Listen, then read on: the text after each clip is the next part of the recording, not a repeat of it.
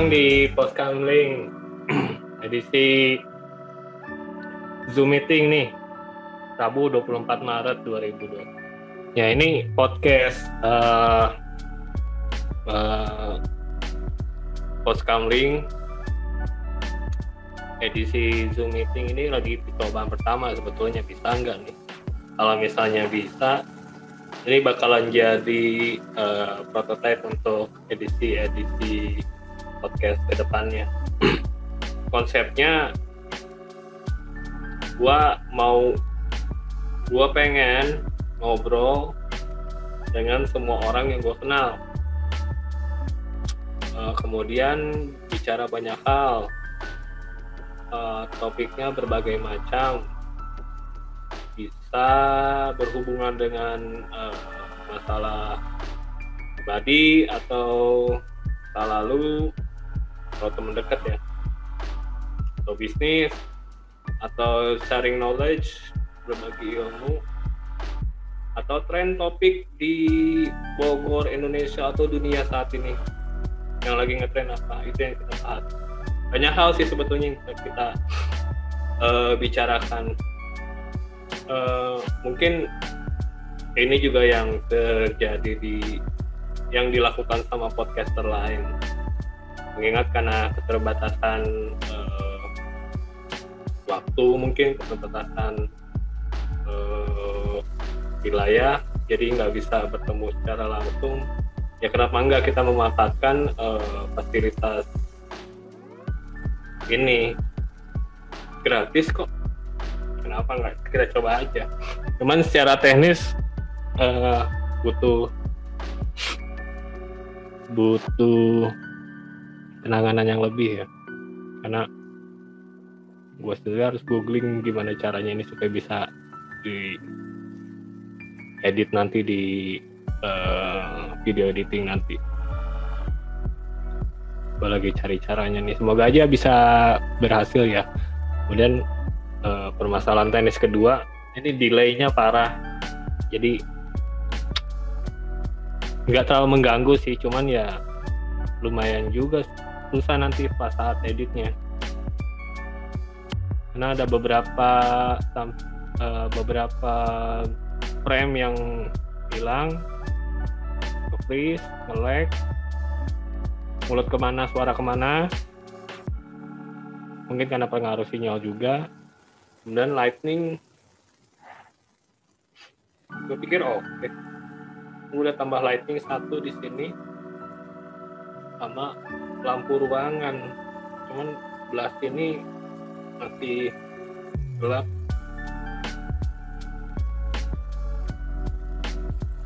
Nah uh, sudah mulai nih.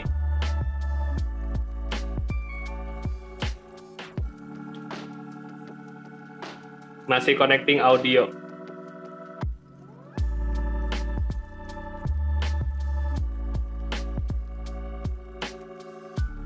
Ruliana Bayu Bayu Ruliana. Ya selamat datang uh, Bapak Bayu Ruliana.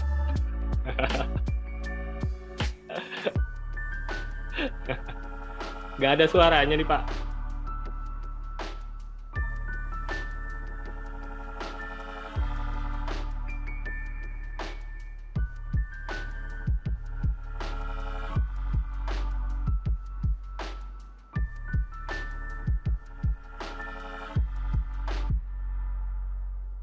ya masih mencoba kembali connecting audio. Ini lucu banget nih kayaknya nih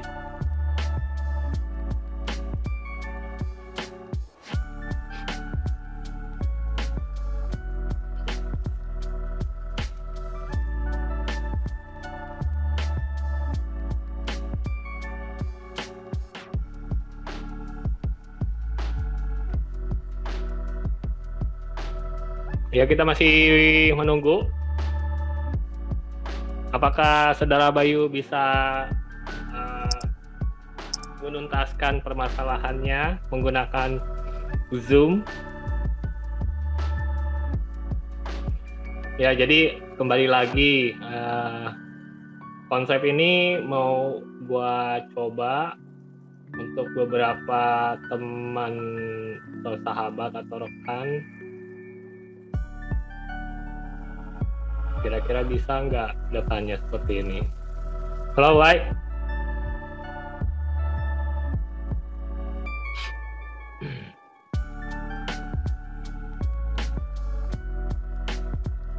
Nah ini nih permasalahan ini nih yang jarang rada-rada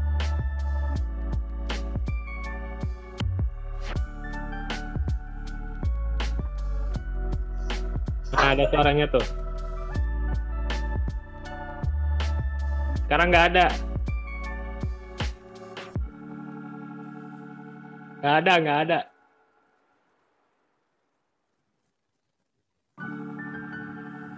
Nggak ada suaranya.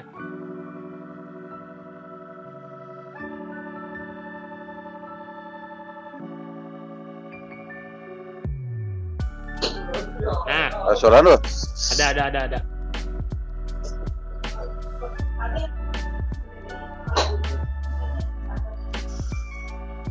Ah, ya. Nah, ada, ada, ada, ada. Nah, selamat datang uh, saudara Nggak baca. Luliana. Enggak gini, maksud gua kan kan gue bikin konsep. Uh, gue pengen bikin Wah. channel di YouTube nge-podcast tapi uh, remote jarak jauh bersama beberapa teman rekan sahabat dan lain-lain ngobrolin banyak hal termasuk masalah pribadi kayak masalah masa lalu kayak atau topik-topik yang lagi ngetren saat ini nah kalau ini misalnya berhasil ini bisa jadi konsep ke depannya terus nanti coba lagi uh, ngobrol sama siapa gitu nanti diundang lagi gitu kedengeran nggak suaranya baik Kalau curhat masalah hidup gua mah kedengeran, kedengeran. Hmm. Luar biasa cuy, bisa dibikin sinetron hidup gua mah. Nah, justru kalau misalnya menarik terus layak upload, kenapa enggak, Bay? Lu jadi superstar. Wow. Coklat, coklat superstar. Lu panjang ya. Capruk ya nggak capruk. Iya live apa Emang tujuannya macam-macam. Eh, nggak capruk, nggak capruk. Live soalnya Kan di luar ya rada kurang aja guna kan di imah ya. Iya, harusnya pakai mic, pakai headset. Iya benar benar. Gua aja Ya lanjut niat. tuh nya. Enggak lah kagok ya ya oke. Ya, Heeh.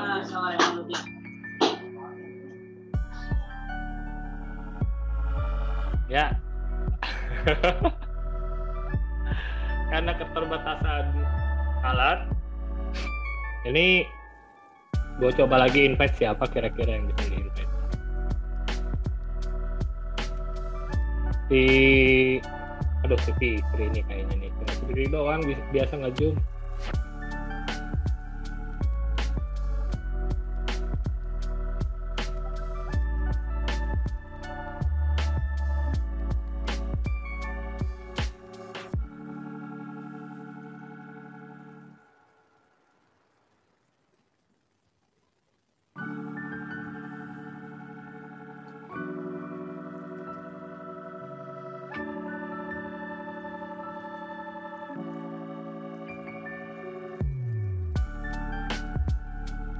Ya, sepertinya ini emang harus di- dibikin schedule dulu sih zoomnya. Biar nanti eh, ada persiapan. Terus satu hal yang harus gua catat ya. Bikin eh, schedule meeting dulu. Kemudian catat beberapa topik yang mau dibahas. Kemudian ya tentunya menyesuaikan dengan objek pembicaranya dulu ya. Nanti yang gue undang siapa gue cek dulu backgroundnya ya gue googling atau gue cari di Facebook di sosial media dan lain-lain. Untuk melihat latar belakangnya Eh, kemudian ya berdasarkan kesepakatan nanti kita mau ngobrolin apa kemudian uh, mengecek beberapa hal dan dari konten yang sudah kita buat itu difilter atau diedit untuk melihat mana yang layak tayang, mana yang tidak.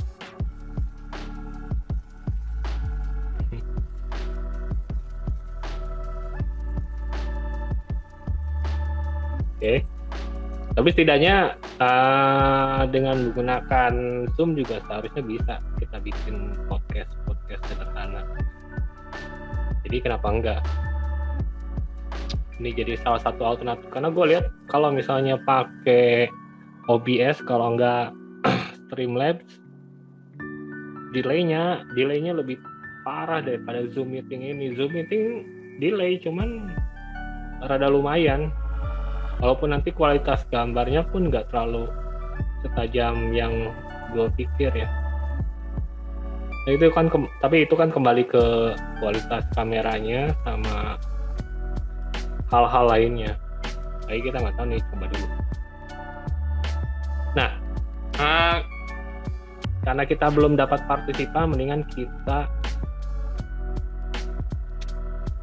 ambil beberapa topik dari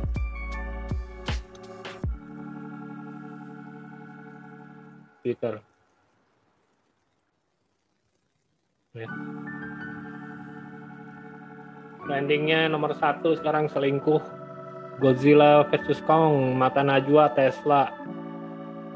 Selingkuh kayaknya nggak penting ya. Godzilla versus Kong.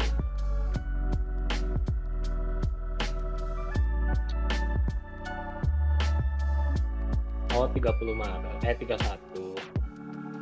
HBO Max, wah HBO Max nih sekarang lagi hype nih gara-gara Justice League. Uh, Zack Snyder's Justice League. Katanya sampai sempat down karena saking banyak yang nge-stream ke sana. Ya bagus lah HBO lah.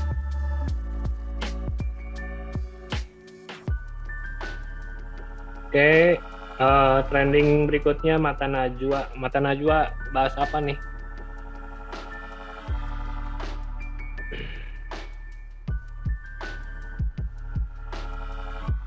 Drama All England. Seperti biasa. Trending berikutnya Tesla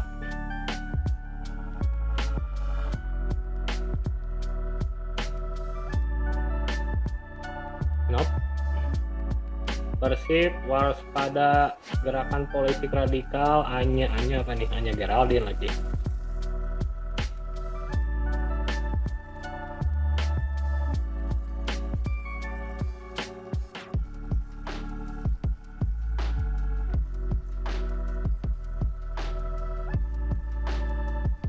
oh. Oke okay. trending berikutnya on Ipa badminton ya?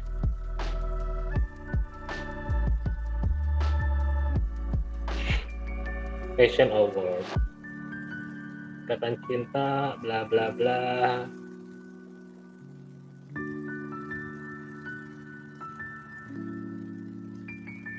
Indonesia emang paling sakti.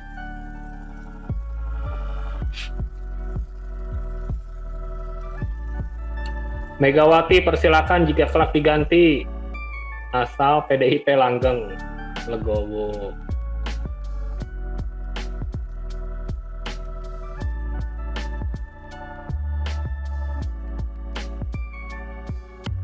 Atta Halilintar sewa GBK untuk foto prewedding dengan Aurel Hermansyah. Ya nggak apa-apa. Kalau mampu. Evin, Kronologi Satpam Hotel usir warga lokal Bali di Pantai Sanur. Wow.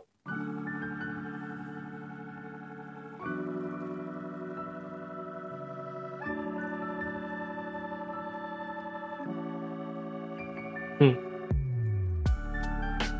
Ondel-ondel dilarang gara-gara takut ganggu warga. Ada aja.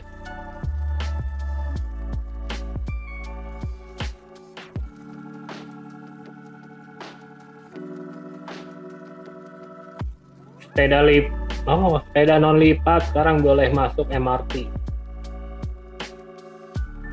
simak aturannya. Oke. Dulu kan enggak dulu cuman sepeda lipat doang itu pun harus dilipat. Seukuran lebar manusia ya kalau nggak salah ya. Jadi nggak mengganggu gitu misalnya.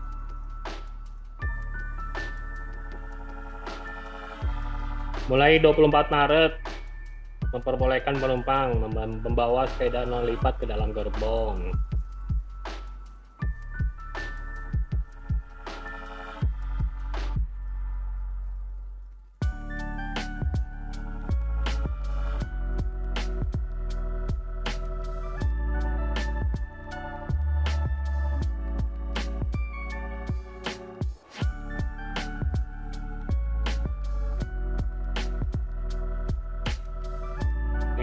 syaratnya. Dimensi maksimal sepeda 200 cm dikali 55 cm dikali 120 cm lebar ban maksimal 5 oh ban kecil. Jadi 2 meter kali setengah meter lebih.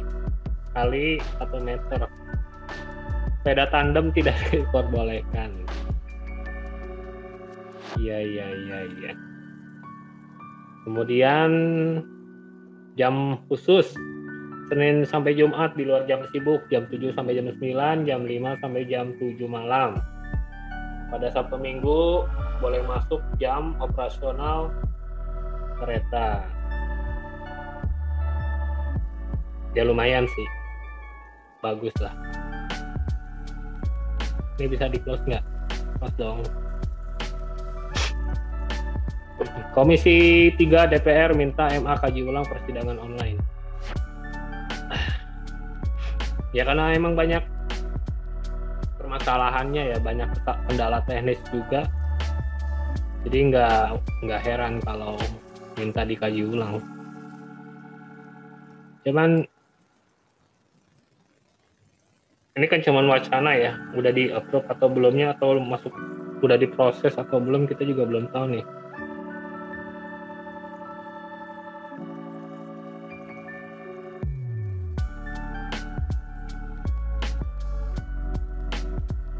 Oh, jadi uh, persidangan online eh offline. Kalau fisik di zona hijau, kalau online di zona di atas hijau atau oranye sama merah sama hitam.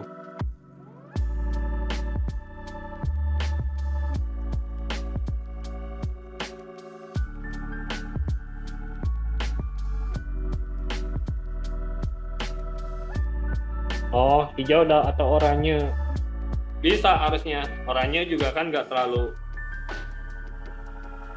um, harus. Off online. Bisa offline kalau orangnya. Cuman ya kan ya mau hijau mau orangnya kan prokesnya tetap dilakukan. Selain daripada itu merah ke atas ya mau nggak mau harus online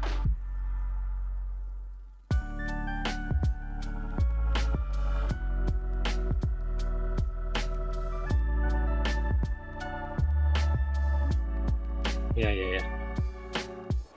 Oke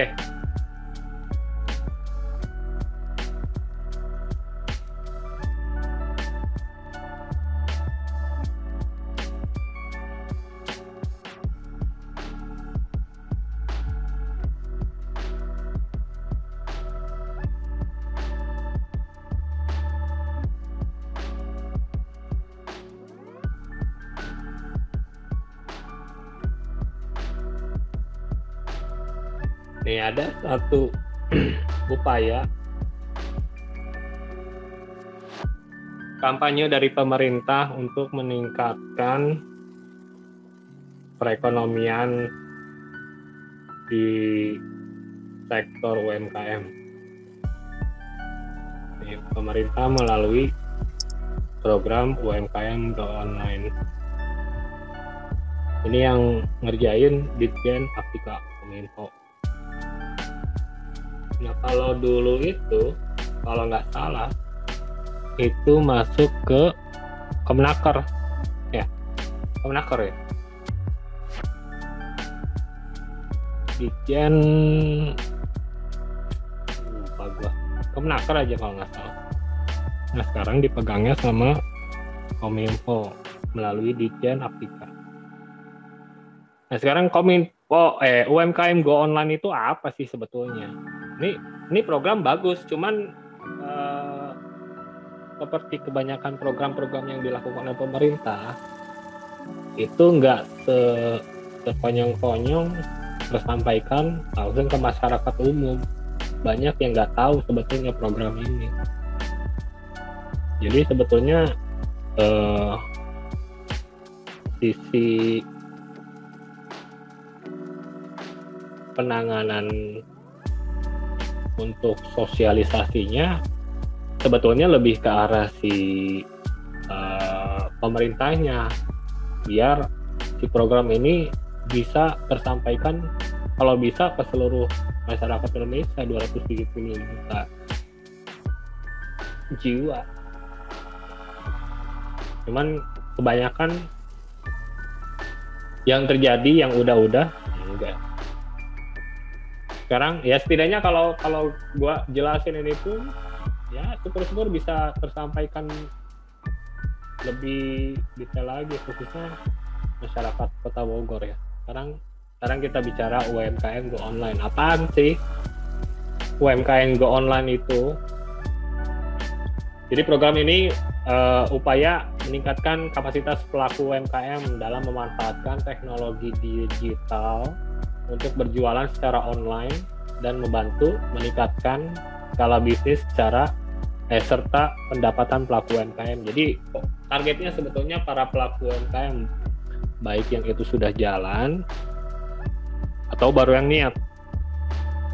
Jadi uh, targetnya sebetulnya bisa bisa siapa aja. Karena kan uh, seperti yang terjadi saat ini banyak orang yang terkena PHK, diputus kerja atau dirumahkan dan lain-lain. Jadi sebetulnya ini akan menjadi peluang bagi mereka. Fokusnya adalah bagaimana mereka bisa memanfaatkan teknologi digital berjualan secara online. Ya. Nah, yang melakukan program ini adalah Direktorat Jenderal Aplikasi dan Informatika bekerja sama dengan beberapa kementerian. Nah, mungkin juga sama Kemenaker,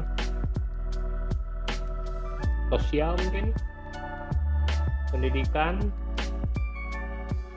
pariwisata, bisa masuk untuk bekerja sama.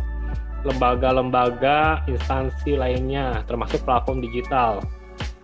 Ya kita berpengalaman dengan prakerja ya. Bagaimana bekerja sama dengan platform digital. Saya sendiri salah satu pelaku platform digitalnya. Uhuy, buat semua.id nah fungsi si Ditjen ini fungsinya ya sebagai penyelenggara. Kemudian pelaksanaan kebijakan. Nah kalau dia membuat kebijakan ini ini gue yakin bakalan tupang tindih dengan kebijakan kebijakan-kebijakan yang dilakukan oleh kementerian lain. Misalnya waktu lockdown aja waktu PSBB awal-awal banyak kebijakan-kebijakan yang tumpang tindih sehingga uh, menyebabkan pelaku UMKM nih gua nih pelaku UMKM rumah kopi 2A mengalami uh, keterbatasan operasional jam operasional. Begitupun uh, akses untuk mendatangkan para customer. Karena di satu sisi kebijakan Pemkot seperti ini, kemudian kebijakan dinas kesehatan seperti ini, kemudian di kebijakan uh, kementerian lain berbeda. Ini yang menjadi uh, satu permasalahan yang ya mungkin mungkin udah udah udah selesai ya, cuman gua, setahu yang gua pikir nggak teratasi dengan baik. Terutama saat jam operasional uh, dikurangi ya jam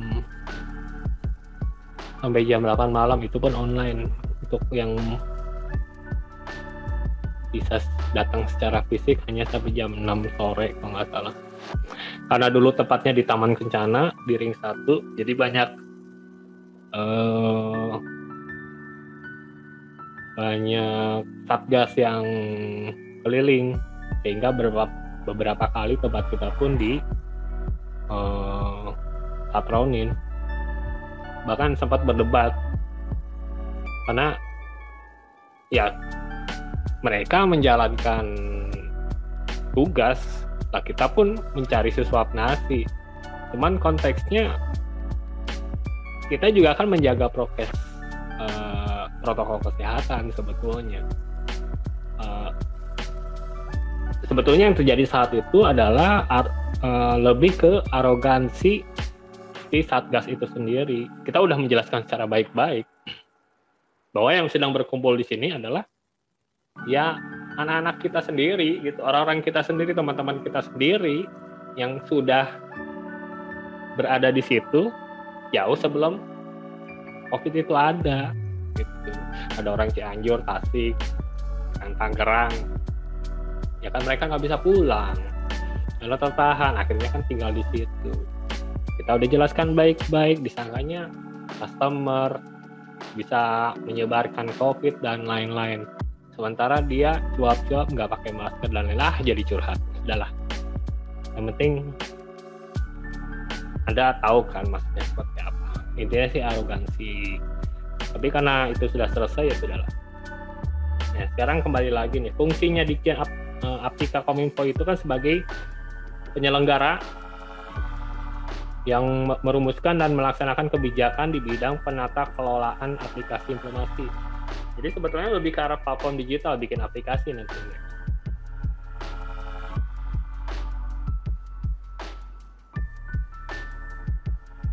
Nah, di produk-produk yang dihasilkan oleh Dijen uh, Aptika Kominfo. Itu ada banyak nih, ada igrs.id, cyber kreasi, aduan konten, gerakan nasional 1000, startup digital, kemudian PST. Tolong diingat ya, uh, di Direktorat Keuangan dan Perpajakan juga sedang uh, meninjau para pelaku UMKM di platform digital atau online itu kena pajak. Dan sudah disahkan kalau nggak salah. Cuman uh, pelaksanaannya masih harus kita kita ikuti. Ya jadi uh, secara garis besar UMKM Go Online ini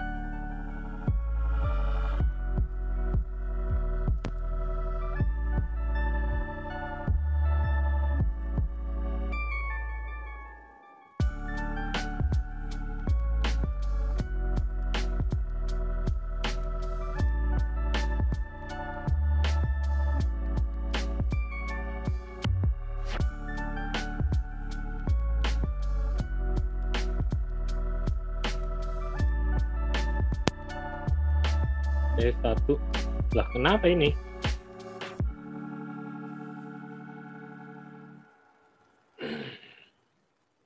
Tiba-tiba terhenti. Enggak kita mungkin selesaikan dulu ya pembahasan ini. Kurang lebih seperti itu. Uh, UMKM Go Online sih gue pikir lagi-lagi kita harus percaya diri, kita harus optimis bahwa pemerintah sedang melakukan sesuatu. Masalah ada gunanya atau tidak ada gunanya kan kembali lagi ke kita. Kemudian juga niatnya mereka.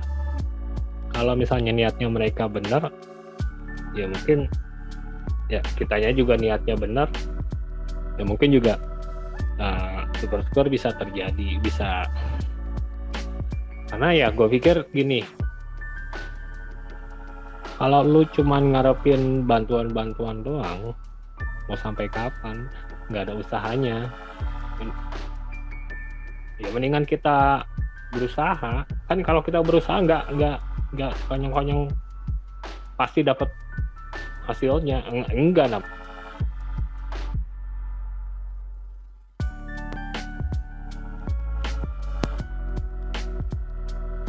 Namanya juga usaha